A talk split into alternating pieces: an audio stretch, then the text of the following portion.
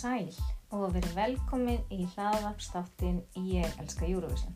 Ég heiti Rósa og er með ykkur hér í dag, eins og alltaf.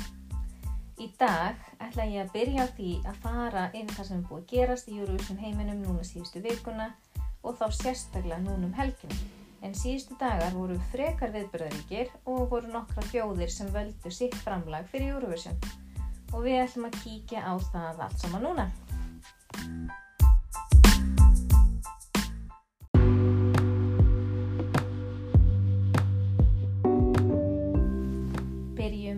Ísrael. Ísrael er eitt af þeim löndum sem völdu sitt Eurovision framlag um helgina. Fjóri flytjendur keftu um sigurinn. Það var söngvarinn Michael Ben David með lagið I Am, söngvarinn Eli Huli með lagið Blinding Healers, söngkonan Inbal Bibi með lagið Marionette og söngkonan Sapir Saban með lagið Breaking My Own Walls.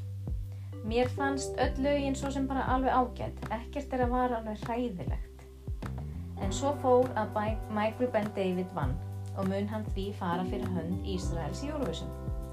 Ég kýtti mitt á einhverja könnun á förstu deginum á millisra fjóra laga og þar var Marionette efstu bladi með 47% atkvæðin, Eli með 22%, Michael með 20% og síðust Sapir með 11%. Svolítið merkilegt að Michael hafi verið þarna bara næst neðstur á listanum. En ég hef svo sem alveg tekið eftir því að það er ekkert alltaf eitthvað að marka svona kannanir sem að sér á þessum Eurovision síðum. Því það er náttúrulega bara allra hörðist í Eurovision aðdæðandan að kjósa. Og auðvitað speiklar smekkur þeirra, ekki smekk þjóðverðina sem er að kjósa. Þannig er nú bara það. En ég gís samt alltaf í svona könnunum þegar ég sé þar. Það er bara svo gaman eitthvað að sjá niðurstöðunar og maður fær nefnilega ekkert að sjá niðurstöðunar fyrir maður er búin að kjósa sjálfur. En anyways, við skulum hlusta núna á brot úr læginu I Am með honum Michael Ben David.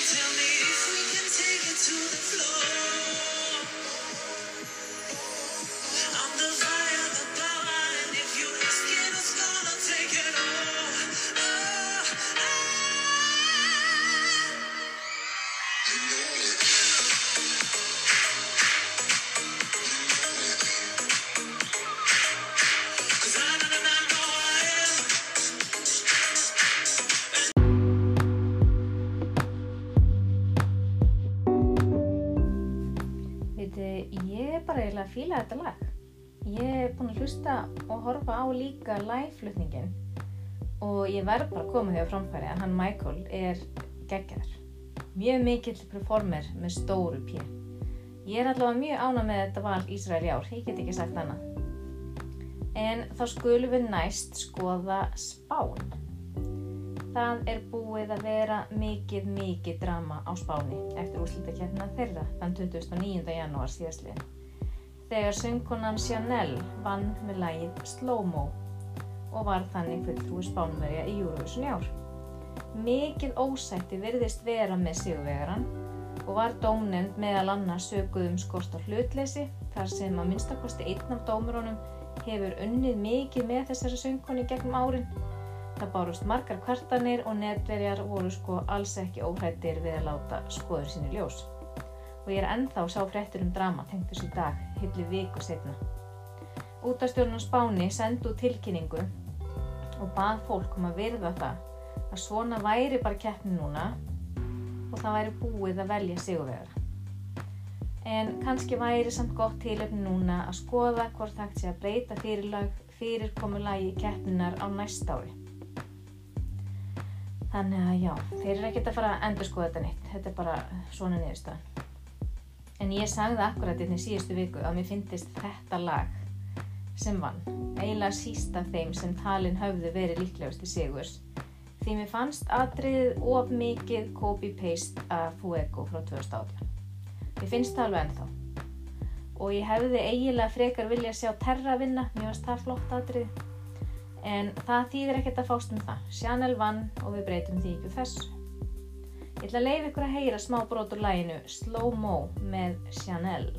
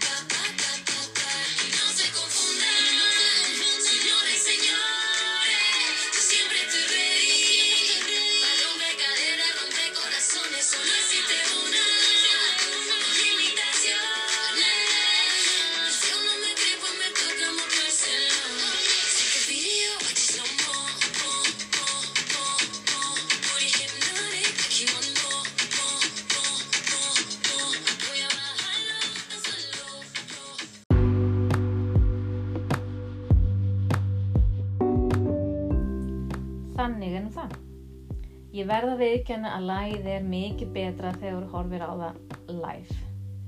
Að því rauninni lagið eitt og sér bara pínu leiðilegt. Mitt mat, ekki skama mig. En dansadriði lagið er mjög orkumikið og fullt af kynþokka ef þið muni eftir Fuego. Þannig að ég mæli með því að skella ykkur YouTube og kíkja á það. En kíkjum næst á Ítalju. Sanremo keppnin á Ítalju lauk á förstaskvöldið og unnu þeir Mammut og Blanco með læginu Brividi. Ef þið heyri mjálm, afsækja mig. Ég er búin að loka mín í herbyggi því kísurnar voru alveg brjálaðir inn að leika sér þannig að þær eru kannski mjálma fyrir utan. En já, það var margóft og út um allt búið að spá þessu lægi sigri. En glöggir muna kannski eftir nafninu Mammut en hann fór einmitt fyrir Ítalíu höndi Eurovision árið 2019 og lendi þá í öðru sæti með læginu Soldi. Sigurvegari rann Sanremo keppnunar eða Sanremo Festival eins og þeir kalla má svo velja hvort hann vilji fara með lægið í Eurovision og dúettinn tilkynnti það á fjölmiðla fundi fljótlega eftir sigurinn sinn að þeir myndu gera það. Hlustum núna á smá brot úr læginu þeirra Brividi. Servi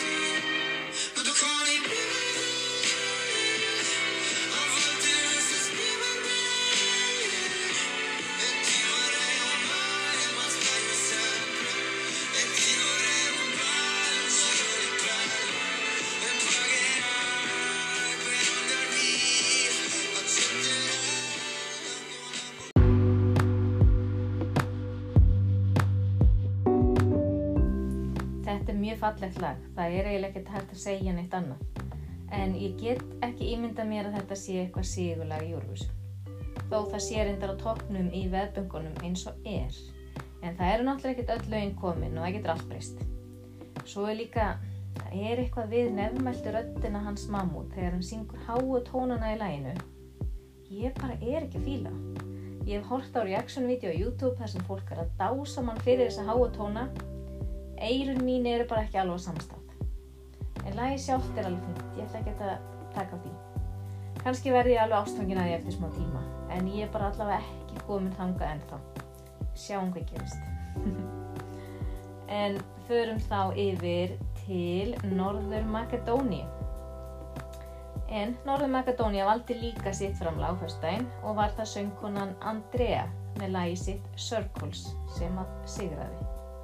Sex lög kepptu en keppnin var ekki live, heldur voru lögin bara spiluð og svo voru sínd viðtöl við flytjendur. En úrslitin virðast hafa verið svolítið jöfn og voru að minnsta kosti tvö önnu lög sem veittu Andreu mikla samkeppni. Eh, ég er búin að hlusta á öll lögin og ég er bara mjög sammála á þessum úrslitum. Andri átti alveg skilið þennan sigur. En ég ætlaði þetta að spila smá brótulæginu hennar líka og hér kemur hann.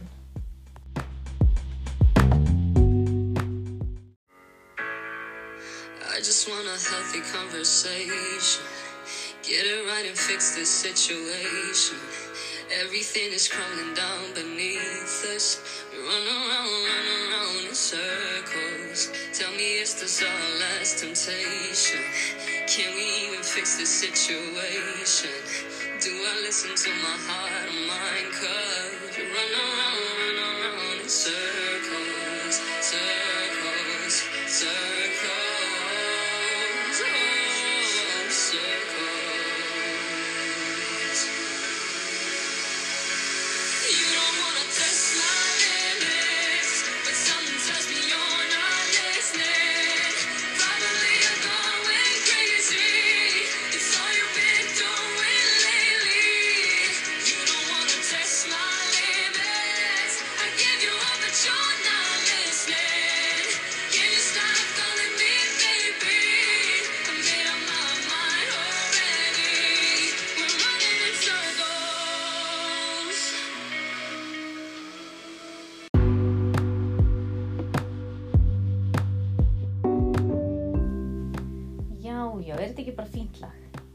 Eina sem ég hef áhyggjur af er hvernig er þessi sönguna live. Mér finnst svona eins og maður heyri í röddinin eða svona sé alveg að fara að krakka, þú veist, missa tónin. En hún er náttúrulega með svolítið sérstakar rödd og kannski notar hún hana bara svona. Ég hef ekki hugmynd, ég kann ekki á röddbeitingu. Ég er örgulega falskasta manneskja sem þú heyrir syngja. Þess vegna syngja ég ekki. En mér finnst lagi sjálft mjög fínt. Ég hef í rauninni bara ekkert út á að setja. Maður getur alveg sungið með þessu svona. Fínt, fínt. Besta framlag Norður Makedóníu hingað til að mínu mati. Ég hef ekki verið mikill aðdándi þeirra hérna í keppninni gegnum tíðina. En næst er Írland. Írar völdu einnig sitt framlag á lögadaginn í The Late Late Show og kepptu sex flytjendur um sigurinn. Það var hún Brooke Söljon sem sigraði svo með læginu That's Rich. Þetta var klálega mitt uppáhald í keppninni þeirra. Bara strax fór fyrstu hlustun held ég með. því. Það var eitthvað sem greip mig bara strax. En ég verð að segja að ég varð fyrir smá vonbröðum þegar ég heyrði hana Brooke flytja lagi live. Hún var svona pínulítið fölsk á köflum. Átvittinn og atriðið í raun var bara rosalega tísi og ekki gera neitt fyrir mig.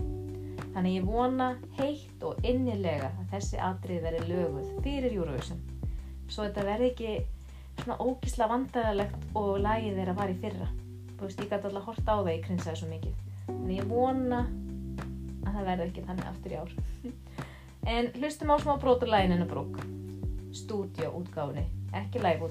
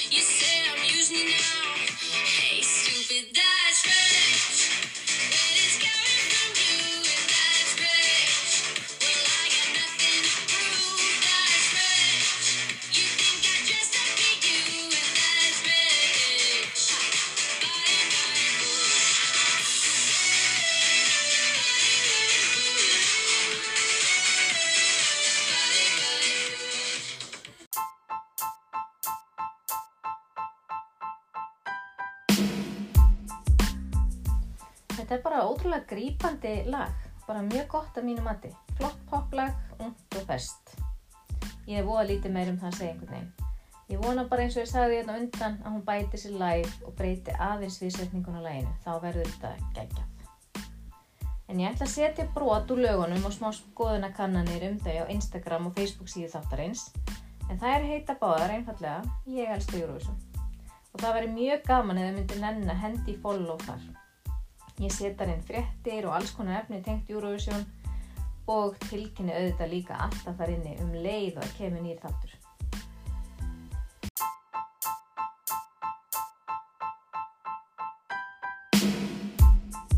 En við megum alls ekki gleyma Íslandi. En það fór valla fram hjá neinum sem hefur minnsta áhuga Eurovision, sem eru væntalega allir sem verður hlusta á þetta hlaðvarp að í gær voru frumflutt lögin 10 í söngvakefni. Þau lágur reyndar neti eitthvað aðeins fyrr en það er hann mál og skiptir svo sem ekki máli. Ég er búin að láta lögin rúla nokkur sinnum í gegn og þau verða bara betri og betri með hverju hlustun. Við fyrstu hlustun fannst mér bara eitt gott lag. Við aðra hlustun þá fannst mér tvö lög góð. Við þriði hlustun þá var ég komið þrjú góð lög. Það er svo fyndið hvernig það virkar. Maður er svo fljótur að dæma oft bara út frá fyrstu hlustun og svo er maður líka einhvern veginn alltaf með svo ótrúlega mikla væntingar. Og þá verður maður alltaf fyrir smá vondurinn með fyrstu hlustun. Því það er ekkert jafn gott og hatari eða daði, skilju en fyrsta lagið sem vakti áhuga minn var lagið með Sun City og Sönnu sem heitir Hækkum í botn á íslensku og Keep it cool á ennsku mér finnst ennska útgáfuna laginu mikið betri og ég er búin að hlusta á lagið cirka tíu sinnum í dag. Ég bara elska það, no joke En svo eru Reykjavíkudætur líka komna núna í mikið uppáhaldsveimur og lagi þeirra er bara mjög flott. Það eina sem ég í rauninni get sett út á það er að það byrja svo ógeðslega stert, það hefur eitthvað svo mikið potential en svo vantar bara svona smá umf í viðlagi einhvern veginn. Beat er flott, droppi geggjað en svo finnst mér bara viðlagi pínlítið off. Það er svona, æg, viti, en ég myndi samt ekki hata þó þær myndi vinna. Það eru svo ógislega flotta stelpur og þær myndi klálega gera okkur stoltum móti. Engar ágjörði. Ef sviðsetning og performance stendur mínar væntingar þá vona ég að annarkvort Sun City og Sanna eða Reykjavík og dættur vinni. En hei, við eftir að sjá live-flutningana og skoðum mín geta alveg breyst. En eftir þennan fyrsta sólaring þá er ég þátt. Annars finnst mér líka ljósið með Stefán Óla og þaðan af með köllu. Mjög fínlög og geggjaðar allir. Fyrsta sem greit mig hjá þessum tveim lögum var bara röddinn og svo kom lagið. Ég kíkti rétt í þessu inn á eurovisionworld.com til að sjá niðurstöðunar og könnun sem þeir eru með í gangi um söngvakefnina og þar hefur Katla vinningin með 29% atkvæða Reykjavíkudætur í öðru sæti með 17% og svo Sun City og Sanna í því þriðja með 15%. Og öll þessi þrjú lög kepp á sama kvöldin í söngakefninni, svo það verður hörku kvöld. En fyrra kvöldið, þann 27. februar, stíg á sviðið Amarosis með lagið Don't You Know, Haffi Haff með lagið Gía, Sigga, Beta og Elín með lagið Hækkandi Sól, Stefania Svavars með lagið Hjartað mitt og Stefán Óli með lagið Ljósið. Setna kvöldið, þann 5. mars, þá verða Hanna Mía og The Ostro Tourist með lagið Séns með þér, Katla með lagið Þaðan af, Marketa Irglófa með lagið Mögulegt, Reykjavíkurdætur með lagið Tökum af stað og síðast en ekki síst Sun City og Sanna með lagið Hækkum í botn á fyrra kvöldinu sé ég fyrir mér að Stefania Svavas og Stefán Óli munu komast áfram. Og setna kvöldinu, þá get ég bara eins og staðan er í dag, alls ekki málega á milli, að þetta verður Sun City og Sanna, Reykjavík og Dætur og Katla.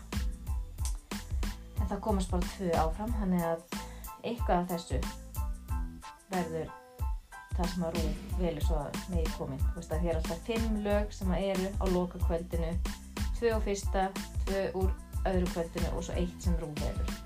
Þannig ég gerir ráð fyrir því að öll þessi fimm lög sem ég er búin að nefna munu enda í úslita kvöldinu og keppum sigurinn þann 12. mars. En þetta er náttúrulega bara mín skoðun eftir að einingis hlusta á lögin, aldrei séð live, svo þetta getur alveg breyst. En ég er allavega orðin ótrúlega fyrir þessu og finnst mjög gaman að vera búin að finna hvaða lögum ég ætla að halda með. En ég ætla bara að fara að segja þetta gott í dag. Takk kærlega fyrir að hlusta. Bæjó!